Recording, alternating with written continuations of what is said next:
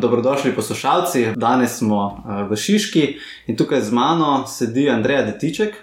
Andreja, ti si magistrirala na fakulteti za farmacijo v Univerzi v Ljubljani. Tako je.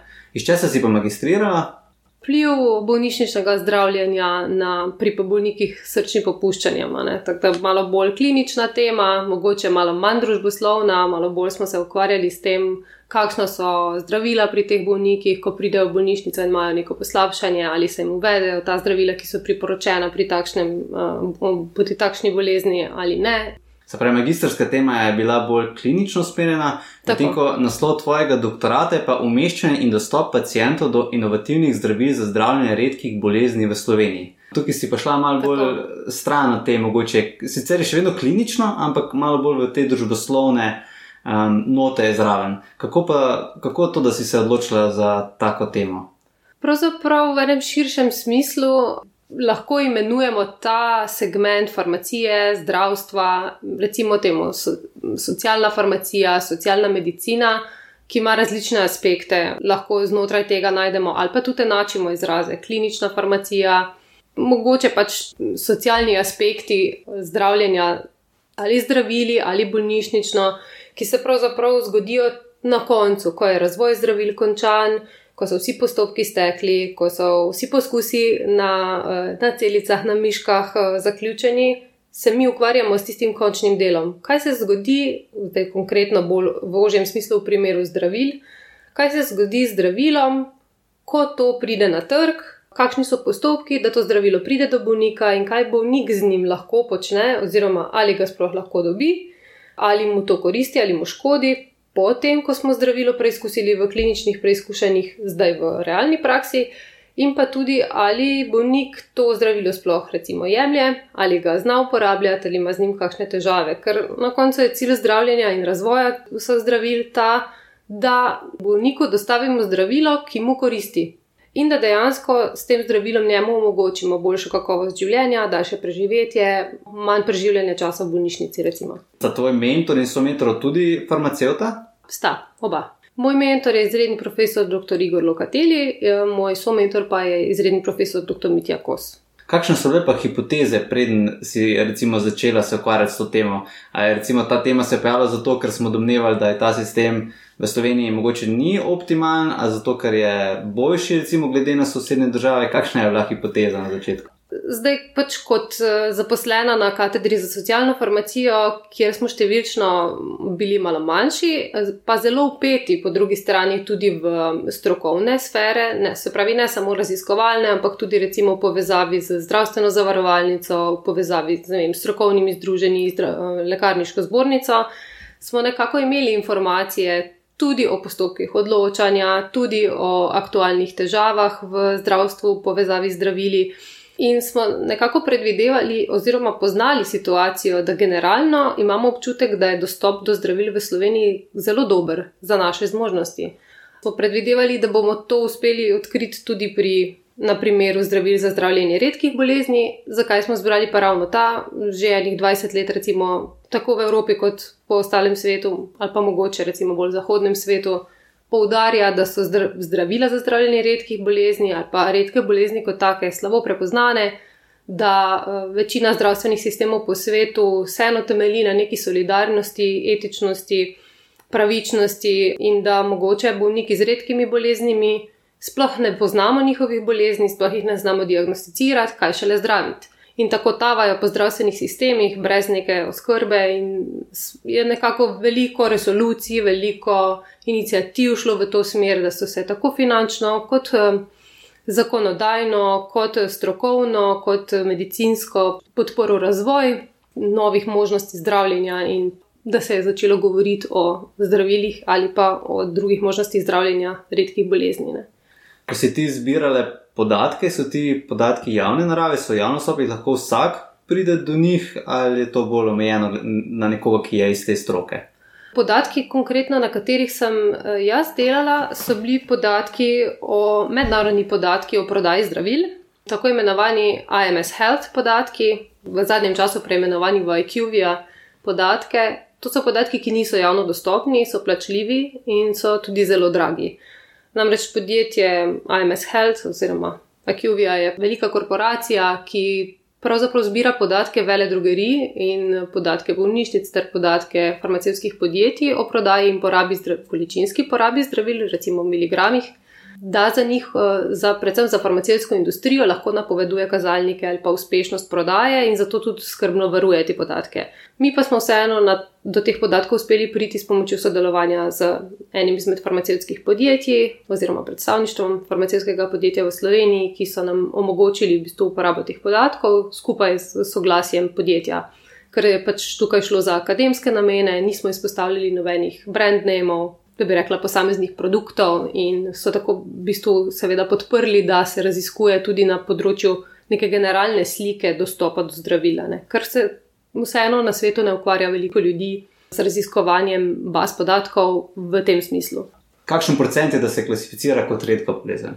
Procent je zelo nizek. Procenti operirati v, v zdravstvu je lahko zelo nevarno, zato ker recimo ena zelo pogosta bolezen, kot je sladkorna bolezen tipa 2, se lahko v določenih populacijah, predvsem pri starejših, pojavi recimo v 5%, pa se nam mogoče to na prvi pogled zdi, da vse to pa ni veliko, v bistvu pa gre za ogromno število ljudi, ki imajo težave in s tem tudi ogromno stroškov eh, nastane v zdravstvenem sistemu. Ne.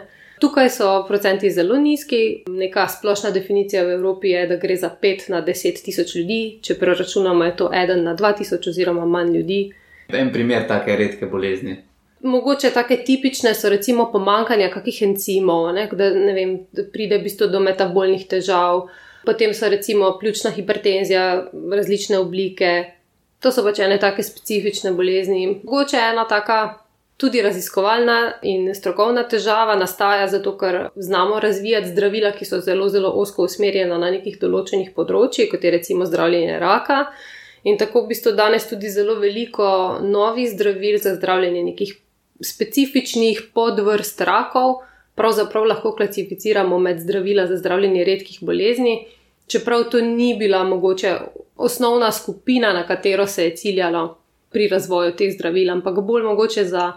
Priroj, večina redkih bolezni, recimo več kot 80%, jih je prirojenih, to pomeni, da jih imajo že otroci, ko se rodijo zaradi njih tudi zelo slabo živijo, eh, njihovi starši tudi težko skrbijo za njih in tudi zgodaj umrejo.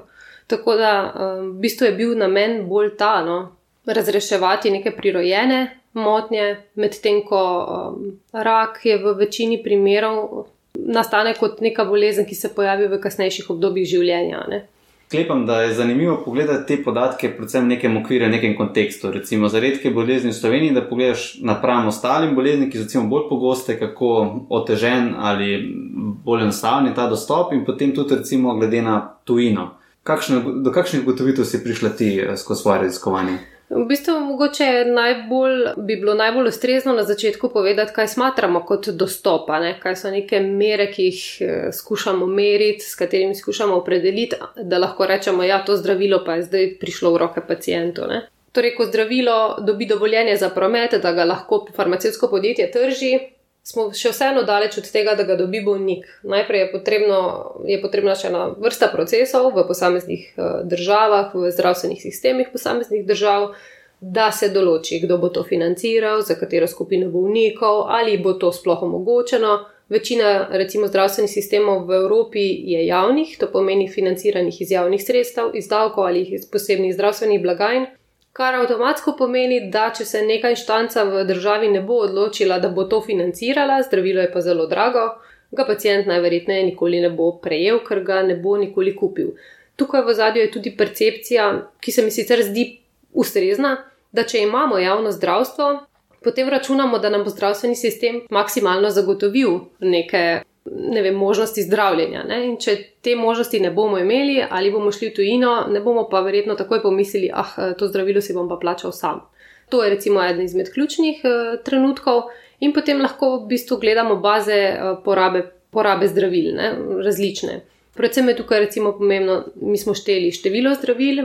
Ne katerih koli, ampak za tiste, za katera smo lahko ugotovili, da je ta poraba kontinuirana, se pravi, da ni bila vem, zaznana prodaja ene škatlice na ključno, ali pa mogoče kot neka zaloga, ki se je nekje pač ohranila, ali pa v sklopu neke klinične raziskave, še v preizkušanju, ampak da je bila ta poraba že kontinuirana, Potem smo gledali čas od datuma registracije zdravila pa do tiste prve kontinuirane uporabe, ki smo jo zaznali. Mogoče je tukaj na mestu še razlaga, zakaj eh, čas registracije zdravila. Ta je namreč v, zadnjem, v zadnjih, recimo, spet recimo 20 letih za večino inovativnih zdravil enak eh, v celotni Evropi. Obstaja ena posebna vrsta registracije zdravila, en poseben postopek, ki mu pravimo centraliziran postopek. To pomeni, da na Evropski agenciji za zdravila bodi si odobrijo ali pa ne trženje nekega zdravila, če ga, ga lahko farmacevtsko podjetje začne tržiti po celi Evropi in evropskem gospodarskem prostoru, pravzaprav naslednji dan. Tako da tukaj recimo ni več razlik med državami na tej točki. Potem so še drugi postopki, ki določajo, kdaj bo to zdravilo do pacijenta prišlo in to smo pravzaprav mi merili. Koliko časa eh, recimo preteče od tistega datuma, ko bi lahko zdravilo postalo dostopno, pa še ni in do tistega trenutka, ko mi opazimo neko kontinuirano porabo. Pomembno je tukaj še imeti neko zavedanje v zadju, da za neke določene bolezni je seveda tudi prevalenca teh bolezni lahko različna in da zato tudi potreba po tem zdravljenju ni enaka povsod. Na koncu pa so nam ostale še neke mere, take mogoče, smo, s katerimi smo skušali dopolniti to sliko. Eno so bili v bistvu sami stroški porabljeni za ta zdravila, tukaj je potrebno imeti v mislih da predvsem cene zdravil zelo nihajo in da zelo težko iz nekih javnih ali pa nekih baz podatkov, ki so zbrani na, na, na kup in na voljo za obdelavo, težko pridemo do realnih cen. Namreč zelo veliko je v zadju tudi pogajanj. Mi pa smo skušali priti tudi do informacije no, o porabi, o količinski porabi, predvsem recimo v miligramih nekega zdravila na bolnika torej na dejansko število obolelih v tisti državi. Ne. Se pravi, če strnem, mi smo šteli zdravila, ki so v kontinuirani uporabi, čas, ki preteče od registracije zdravila do takrat, ko zdravilo zaznamo v bazi podatkov. Se pravi, lahko rečemo, da je zdravilo prišlo pacijentu v roke, eh, in potem neke ekonomske oziroma kazalnike porabe. In kakšni so bili ti kazalniki v Sloveniji, v primerjavi z drugimi državami? Mogoče lajk bi rekel, ja, pa sej ne proti zahodu, pa proti severu te stvari so boljše, več denarja se za to nameni, kaj pa podatki kažejo. Mi smo vzeli en segment onkoloških zdravil, inovativnih onkoloških zdravil v obdobju 2007 do 2016. To je desetletno obdobje, v katerem smo ugotovili, da recimo Velika Britanija, za katero bi pričakovali, da bo imela veliko število zdravil, ki jih bo svojim pacijentom omogočila hitro in v primerjavi z ostalimi državami, eh, tudi dokaj veliki količinski porabi, smo ugotovili, da sicer zdravila so številna, tudi zelo hitro na voljo, vendar v zelo, zelo, zelo, zelo omejenem obsegu. Količinska poraba, ki smo jo zaznali, je bila v primerjavi z nekimi drugimi zahodnimi državami, kot recimo vem, Nemčija ali pa Švedska, Francija, bistveno nižja, kot bi pričakovali. Mi smo sicer za mero tukaj vzeli kot zamerilo Nemčijo, ki nekako velja za enega glavnih trgov zdravil v Evropi, zato ker omogoča prost trg cen v prvem letu po trženju in zato praktično vsa farmacijska podjetja najprej uh, želijo tržiti tam. Obstajajo tudi še drugi razlogi, no, ampak recimo v primerjavi z Nemčijo smo mi zaznali, da je pri, pri približno enakem številu zdravil, ki so dostopna enako hitro kot v Nemčiji, v Veliki Britaniji poraba okrog, samo okrog 30 odstotkov nemške porabe. Zakaj pa je ta poraba tako manjša? Predvidevamo, da zaradi velikih omejitev predpisovanja, tako imenujemo namreč omejitve, ki jih neke komisije opredelijo za to, da boljše upravljajo sredstvi za zdravila, da pač ostane en večji koš za neke druga, druge potrebe, za druge pacijente, da so zelo omejena na neke oske populacije bolnikov, se pravi na tiste bolnike, ki mogoče to res potrebujejo. Tukaj pride upoštev tudi dejstvo, da se inovativna zdravila, ki so dražja, uporabljajo recimo v primeru rakavih eh, bolezni, v bolj v zadnjih fazah zdravljenja. Tako da imamo že tukaj mogoče manj bolnikov, ki bi jim sploh dali zdravilo. Drugo so potem tudi, recimo, temu formalne omejitve, torej sama registracija zdravila ima navedeno, za katero subpopulacijo bolnikov je to zdravilo namenjeno običajno farmacijska podjetja ne ciljajo na to, da bi, bilo, da bi bila ta populacija čim ožja, je pa tukaj dejstvo, da želijo spraviti zdravilo čim prej na trg in vedo, da bodo na tak način hitreje prišli v sistem, pa potem razširjali indikacije oziroma področje zdravljenja. Ne. Tako da to je razlog za zelo omejene populacije bolnikov, ki jim damo zelo drago zdravilo. Se pravi, številna zdravila za številne bolezni, zelo hitro, če ga res, res, res, res potrebuješ. Kakšna primerjava potem, recimo, kako pa umeščamo Slovenijo zraven Nemčije, pa Velike Britanije? V Sloveniji pa mogoče v kontinuirani porabi, ne zaznamo manj zdravil, vendar vemo pač tudi iz drugih virov, mi imamo tudi druge lokalne podatkovne baze, da je teh zdravil še več, kot smo jih mi uspeli prešteti z, z takšno metodologijo. In vemo, da sicer za njih eh, potrebujemo malo več časa, da pridejo k nam na tržišče, da rabimo recimo malo več kot leto eh, po datumu registracije zdravila, da zdravilo pripeljemo bolniku. Hkrati pa recimo količinska poraba na posameznih področjih bila ena izmed najvišjih v primerjavi z Nemčijo, gledano v miligramih na eh, bolnika, ki bi potencialno lahko koristil to zdravilo. To pomeni, da uspemo z našimi sredstvi, pa z našimi mehanizmi, sicer v malo kasnejšem času, pripeljati še vedno zelo veliko število zdravil in dejansko potem ta zdravila tudi pacijentom nuditi. Tako da to je bil en tak um, pomemben zaključek no, naše raziskave. Seveda, Slovenija ni edini tak primer, ne? bi nam mogoče še kako Slovaško, ki je najprej ne bi pričakovali. Verjetno država, ki ima manjše število prebivalcev, pa tudi število davkov se potem posledično porazdeli na manjše število um, ljudi.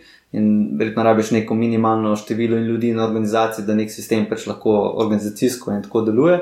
Si videti kakšno očitno, recimo, temu izboljšavo, ki bi lahko implementirali v sistem, da bi recimo še prej prišla zdravila do um, pacijentov. Več razlogov je. Mogoče eden zelo pomembnih, ki ga do zdaj nisem omenila, ta, da ima farmacevtsko podjetje sploh um, interes tržiti zdravilo v tako mali državi. Mogoče je tudi vprašanje šlo bolj v to smer. Načeloma interesa za neko malo državo, pa če govorimo o zdravilih za redke bolezni, kjer je pacijentov še toliko manj, dejansko interesa na prvo žogo naj ne bi bilo. Ampak eh, interes vseeno je. Tukaj pa prihajajo um, drugi mehanizmi do, do izraza in sicer predvsem, kako v Sloveniji formiramo ceno zdravila. Marsikdo se pritožuje, da so cene zdravil v Sloveniji drage. Jaz sicer zdaj ne bom govorila o zdravilih, ki se dobijo brez recepta, ki, ki jih plačujemo iz lastnega žepa, ampak o zdravilih na recept. Ja, zdravila so dokaj draga uh, za, na, za našo državo, če bi nas recimo po nekih drugih um, zdravstvenih kazalnikih primerjali s kakimi, um, vem, recimo s Hrvaško ali pa ne vem, mogoče z državami okrog nas, so pri nas zdravila draga. Draga so tudi zato, ker mi, mi ceno formiramo, preden zdravilo lahko uh, se odločamo o tem, ali ga bomo uh, sploh financirali in uh, preden ga farmacijsko podjetje lahko začne pri nas tržiti. To je prvi postopek za formiranje cene, se pravi, je regulirana. Uh, ni prost trg. Tukaj je recimo ta diametralna razlika z Nemčijo, kjer v prvem letu lahko farmacijsko podjetje postavi kakršno koli ceno si želi in ga lahko eno leto trži, preden pač pride do teh presojen, ali bo potem zdravstveni sistem to financiral na svoje stroške ali ne. Mi pa referiramo tudi zelo bogate države, med drugim tudi Nemčijo, Francijo in Avstrijo, ki imajo više cene zdravil kot pri nas. To pomeni, da če mi vzamemo za zgled eno izmed teh držav in postavljamo ceno na pod njihovi podlagi, je to po eni strani za nas slabo, ker bodo cene zdravil visoke, po drugi strani pa dobro, ker bomo s tem ohranjali interes farmacevtske industrije, da zdravila k nam pripelje. Vemo pa, da se eh, farmacevtska podjetja, ki delujejo v Sloveniji oziroma njihove podružnice, tudi maksimalno trudijo, njihovi sodelavci, da nekako skušajo pripeljati zdravilo vseeno do pacijenta, se pravi, da se ustrezno spogajajo z Zavodom za zdravstveno zavarovanje, torej zdravstveno zavarovalnico in najdejo neko skupno pot ali v mogoče omejenem številu bolnikov. Ali na kakšne druge načine, kot so recimo mogoče kakšne popusti na kakšne druga zdravila, in tako naprej. Lahko recimo pacijent naredi kaj sam, če ugotovi, da ima redko obliko bolezni, da nekako pospeši ali pa da čez kak drug vzvod pride prej do zdravila? V Sloveniji imamo možnost zdravljenja v tujini. Tudi v, ne poznam točno vseh detajlov, ampak imamo možnost, da nam zdravstvena zavarovalnica oziroma naše zdravstveno zavarovanje krije zdravljenje v tujini, ukolikor tega pri nas ni. V prim, konkretnem primeru uh, redkih bolezni gre tudi za to, da se celotna Evropa povezuje v tako imenovane referenčne centre, oziroma obstajajo nacionalne kontaktne točke, kamor greste, ker se kot pacijent se lahko obrnete na to kontaktno točko, tam vas povežejo strokovnjaki v Sloveniji, ti strokovnjaki pa se potem povezujejo tudi strokovnjaki, strokovnjaki drugje. In namen je ravno ta hitrejše prepoznavanje bolezni in hitrejše iskanje ustreznih možnosti zdravljenja. Tako da, ja, neka možnost je, da zdravljenje prejmemo druge, če ga pri nas ni. Obstajajo pa tudi možnosti, da se, ne vem, recimo zdravilo pripelje k nam, čeprav ga še ni na pobudo, recimo vodje oddelka neke bolnišnice. A se spomniš zabavne um, anekdote, štorije za časa študija? Jih je bilo kar nekaj, no, ampak večinoma se mi zdi, da ko pomislim na kakšno zabavno štorijo, pomislim največkrat na konference oziroma na druženja sodelavci v tujini. Ena takih zelo zabavnih, eh, na katero rada pomislim, je, da smo enkrat kot slovenska ekipa, kot majhna ekipa, organizirali konferenco na Bledu. Uspeli smo pripeljati čez 100 udeležencev, kar je za nek oži kongres eh, na področju socialne formacije veliko. Prišli so ljudje iz številnih držav in nam je uspelo, da družabnem večeru zvečer z Eh, enim fine band, swing bandom, prepričati vse udeležence, da so plesali, vključno s tistimi našimi sodelavci, ki sicer nikoli ne plešajo. Tako da smo preplesali celo noč, pomešali smo se vsi profesori, študenti in prav res super je bilo. No. To še vedno smatramo kot dosežek in tudi na naslednjih konferencah, ki se pač ponavljajo vsako leto, je še, še vedno odmevano, da smo mi takrat naredili res dober žur. Kaj pa, če bi šla na kavo s predsednikom vlade, kaj bi mu predlagali, da izboljša na področju znanosti? Mislim, da bi bilo mogoče dobro najprej vprašati tiste raziskovalce, ki so iz različnih razlogov iz Slovenije odšli. Namreč verjamem, da je šolstvo eh, v Sloveniji dobro, da eh, postanemo dobri strokovnjaki, vsaj recimo, ko zaključimo študij ali pa zaključimo doktorski študij. Potem pa mm, nekateri uberajo druge poti in grejo tujino. Mislim, da bi bilo njih smiselno vprašati, kaj so bili razlogi za to.